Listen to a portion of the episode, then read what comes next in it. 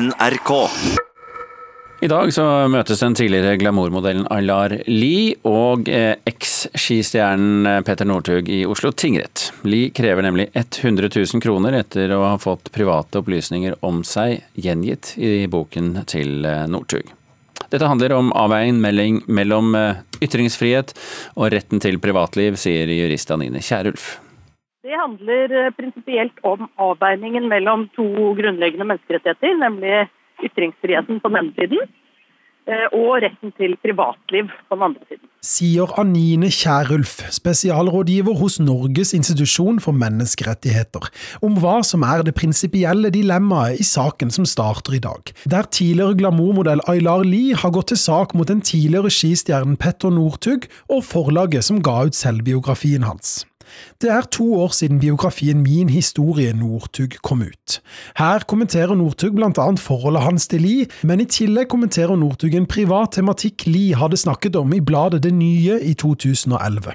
Li krevde å få utgivelsen stanset da hun ble gjort kjent med omtalen av seg, selv om hun ifølge forlaget skal ha blitt kjent med innholdet i omtalen før utgivelse. Hun tapte likevel erstatningssaken i forliksrådet i Oslo i fjor vår. Nå skal saken opp i tingretten. Aylar Lie krever 100 000 kroner av Petter Northug og forlaget.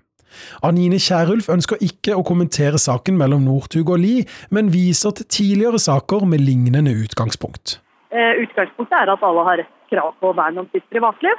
Av og til er det likevel slik at enkelte private opplysninger kan omtales eh, dersom det har en viss allmenn interesse, eh, eller også hvis det er viktig for en person å gi uttrykk for dem. Det var altså Anine Kierulf du hørte der, og reporter det var Christian Ingebretsen.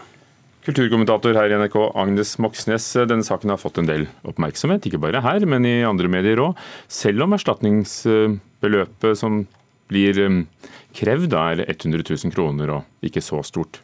Nei, Det er vel ikke erstatningsbeløpets størrelse som er det mest iøynefallende med denne saken. her. Vi snakker jo om folk med veldig eh, stor, som det er stor offentlig interesse rundt. altså skistjerna Petter Northug, en eh, friskus som det alltid har vært veldig mye oppmerksomhet rundt. Og da glamourmodellen Aylar Lie.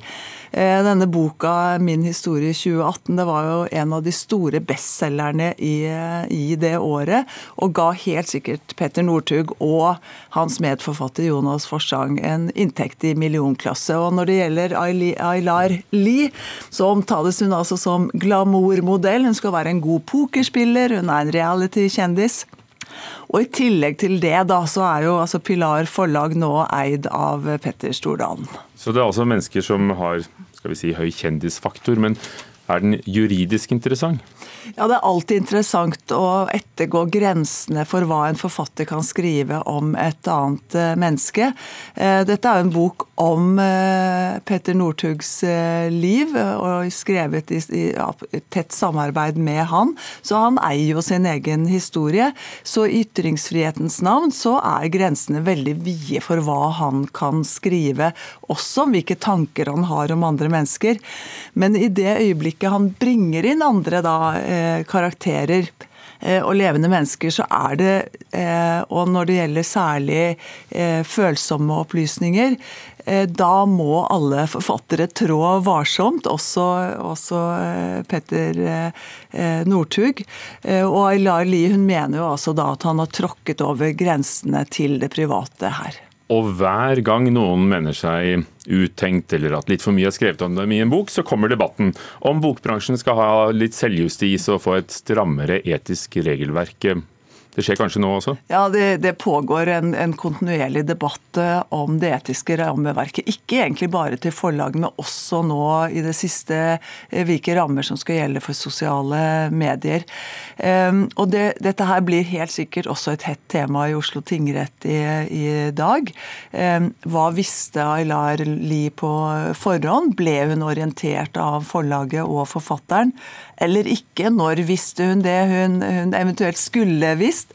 Eh, og, og, og, den type spørsmål kommer helt sikkert til å bli reist. Og dessuten så valgte jo Aylar Lie på et tidligere tidspunkt å fortelle om sitt forhold til Petter Northug til ukebladet Det Nye. Og har det en betydning, eller har det ikke en betydning? Og i dag skjer det altså. Aylar Lie og Petter Northug møtes i Oslo tingrett. Hva, hvordan forløper dagen? Nei, Det forventes jo at begge to kommer i tingretten. Eh, så første spørsmål som kommer til å bli luftet, er om dette kommer til å gå for åpne dører eller ikke. Ettersom det er snakk om privatlivets fred, så kommer vel eh, Ayla Elies eh, forsvarer Jon Christian Elden til å argumentere for lukket rett, vil jeg tro. Takk. Agnes Moxnes.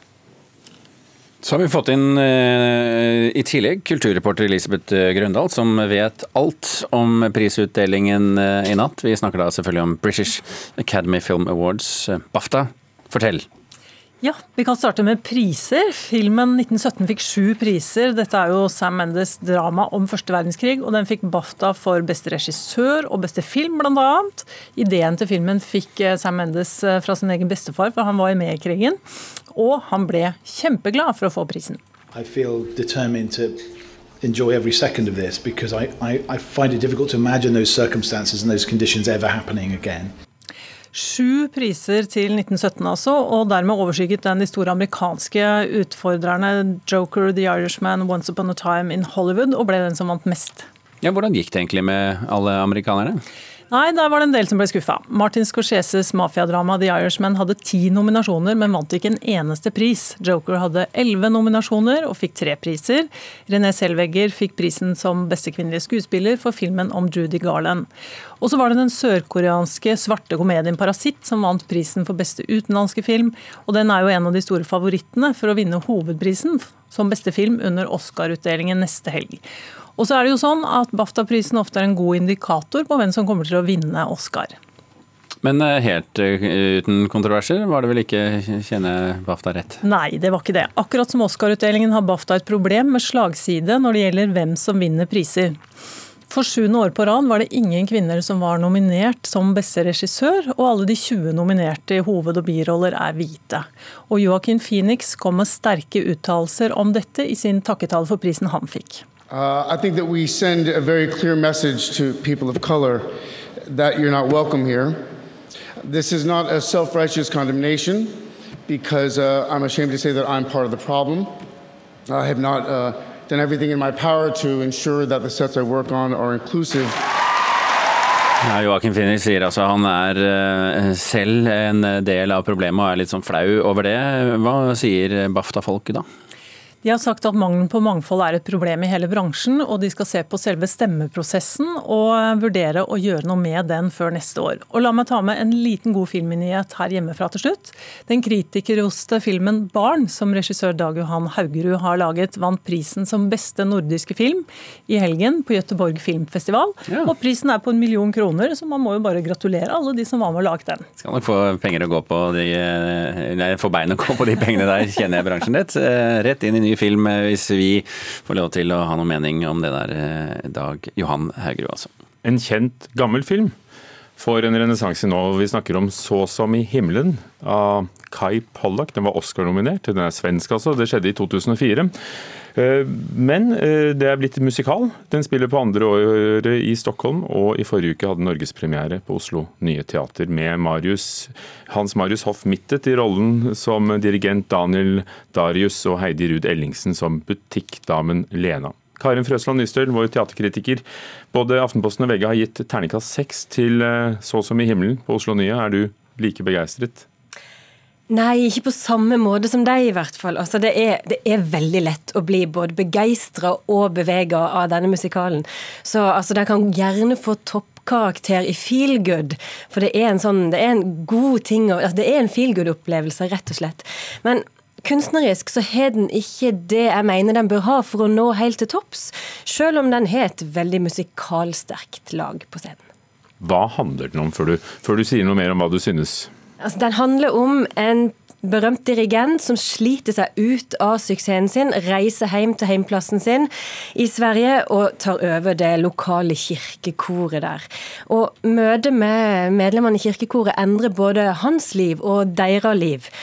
Og altså, Musikalen handler som filmen om det viktigste i livet. altså Kjærlighet og fellesskap og korsang. Og hvorfor når ikke dette helt til topps hos deg, når du sier at det er meddrivende også? Nei, Det er rett og slett det at historier og karaktertegninger er litt tynn, sånn som eget verk sett for seg sjøl. Eh, den har bøttevis med sjarm, det er ikke noe med det, men det er lite som overrasker meg når historien går, det er lite ved karakterene som overrasker meg, og jeg tenker at her kunne de jo ha utfordra materialet litt, utvikla det. altså og rett og slett utforske karakterene i større grad. For det er, det er mye som er som forventa. Eh, og samtidig så ligger det jo en kvalitet i det som er gjenkjennelig. Det er bygd på en kjent film.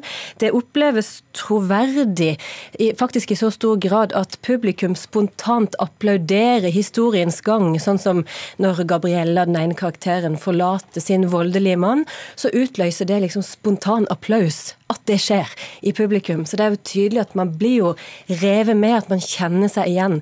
Og det er jo en veldig viktig ting med en forestilling, det òg. Og så er vel et kriterium for en musikal som slår an at folk eh, kjenner igjen musikken.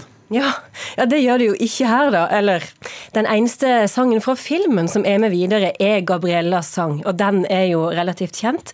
Men ellers så har den svenske komponisten Fredrik Kempe skrevet alt det andre av musikk. Eh, men det oppleves allikevel gjenkjennelig, for han låner så mye fra kjent materiale. Fra popsanger, fra gospelmusikk, fra sørgemarsjer, fra Les Miserables. Du, du, føler du har hørt det før, at det er noe du kjenner, liksom. Og orkester orkesteret er godt, og de synger ganske bra òg. Og skuespillerne. Hans Marius Hoffmittet som dirigent, han, kan han dirigere? Nei, det kan han ikke. Han har ikke hatt noen kurs i dirigering. Det kan man lett se, men han dirigerer ikke så mye. Det går, akkurat det går helt greit. Jeg var spent på hvordan hans um, store på en måte patos og skjelvende stemme som jeg kjenner fra andre musikalscener, hvordan det skulle tas ned i et såpass lite format som Så som i himmelen har, en såpass liten scene. Den overgangen klarer han veldig fint. Og eh, han spiller bra opp mot Heidi Ruud Ellingsen, hun er som alltid stødig. Og, og Jan Martin Johnsen som denne butikkeieren Arne, han er med på å balansere det hele med mye humor, sånn at det ikke bare blir liksom et bad i klisjé. Og hvis vi skulle høre noe, det bør vi jo. Ja, Hva skal det være? vi må jo bjuda på det. Vi skal høre Jannicke Kruse synge Gabriellas sang, og etter det så var intet øye tørt i salen.